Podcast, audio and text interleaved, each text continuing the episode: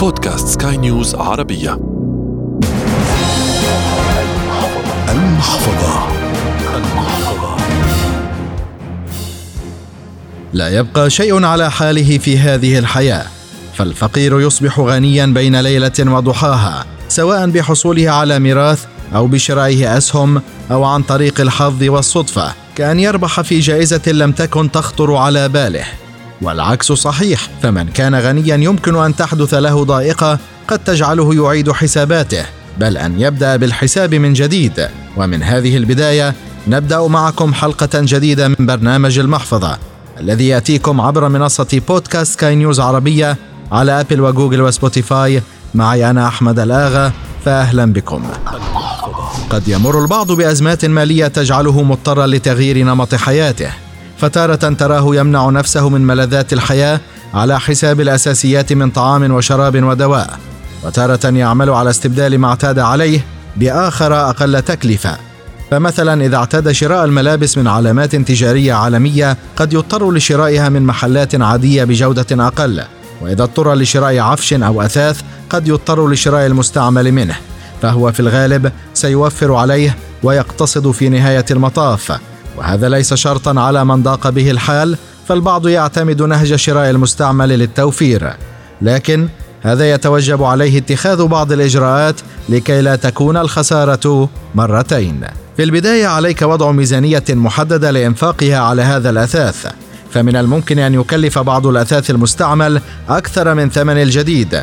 وقبل أن تخطو حتى داخل محل الإثاث المستعمل عليك أن تقوم بتحديد الميزانية التي ستقوم بالبحث في نطاقها. وتذكر أن قطعة الإثاث يمكن أن تكلفك ما هو أكثر من ثمنها الأصلي.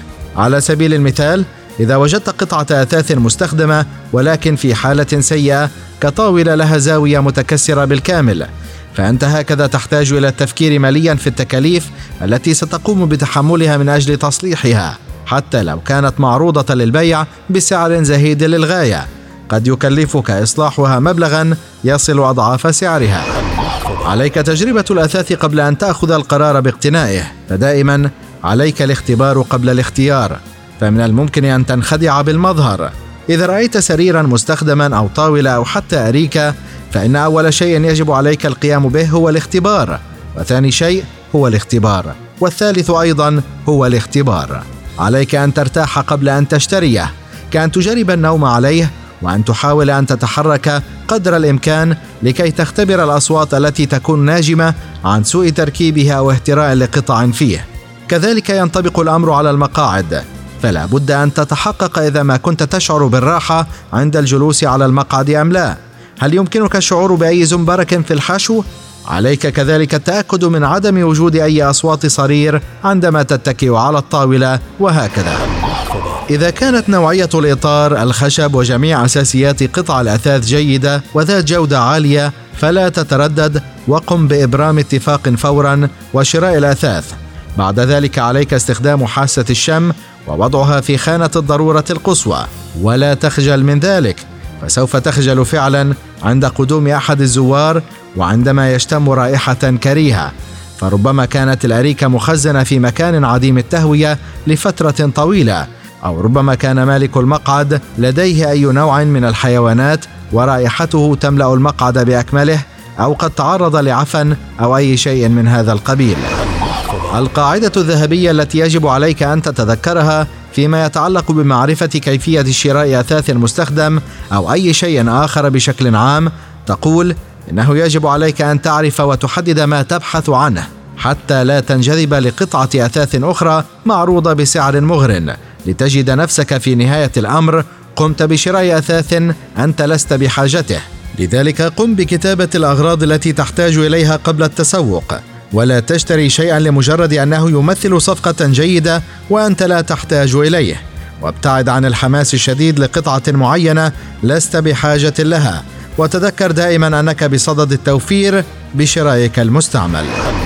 عند شراء المستعمل عليك معرفة ثمن نفس القطعة جديدة فيجب أن يكون هناك فرق في السعر. وإذا كان الفرق صغيرا بالطبع الجديده في حال اعجبتك أنت تكون هكذا الكاسب الأكبر. وابحث داخل الأثاث عن بلد المنشأ وسنة الصنع فهذا يكمل الصورة لديك. تذكر أنك لست مضطرا لقبول أي شيء وأنك تدفع مقابل هذا الأثاث. فاختر ما يناسبك. نسق بيتك لكي يتلائم مع الدهان. وباقي الأثاث فحتى عند شراء أثاث مستخدم لا يجب أن ينتهي بك الأمر بشراء أثاث تصميمه لا يلائم تصميم بقية القطع في المنزل. أو لا يلائم ذوقك الشخصي لذلك فكر قبل الشراء هل تحتاج هذه القطعة؟ هل تلائم بقية القطع في منزلك؟ وهل لديك مكان لها؟ عملية شراء السلع المستخدمة قد تبدو كمخاطرة لكن إذا كنت تعرف كيفية شراء الأثاث المستخدم بطريقة صحيحة أو أي شيء مستعمل عموما سيكون الأمر سهلا عليك وقد تنصح من حولك بهذه التجربة التي ستوفر عليك الكثير من النقود. إلى هنا وصلنا لنهاية هذه الحلقة والتي أتتكم عبر منصة بودكاست سكاي نيوز عربية على أبل وجوجل وسبوتيفاي. تقبلوا تحيات أحمد الآغا من الإعداد والتقديم وغسان أبو مريم من الإخراج الإذاعي. إلى اللقاء.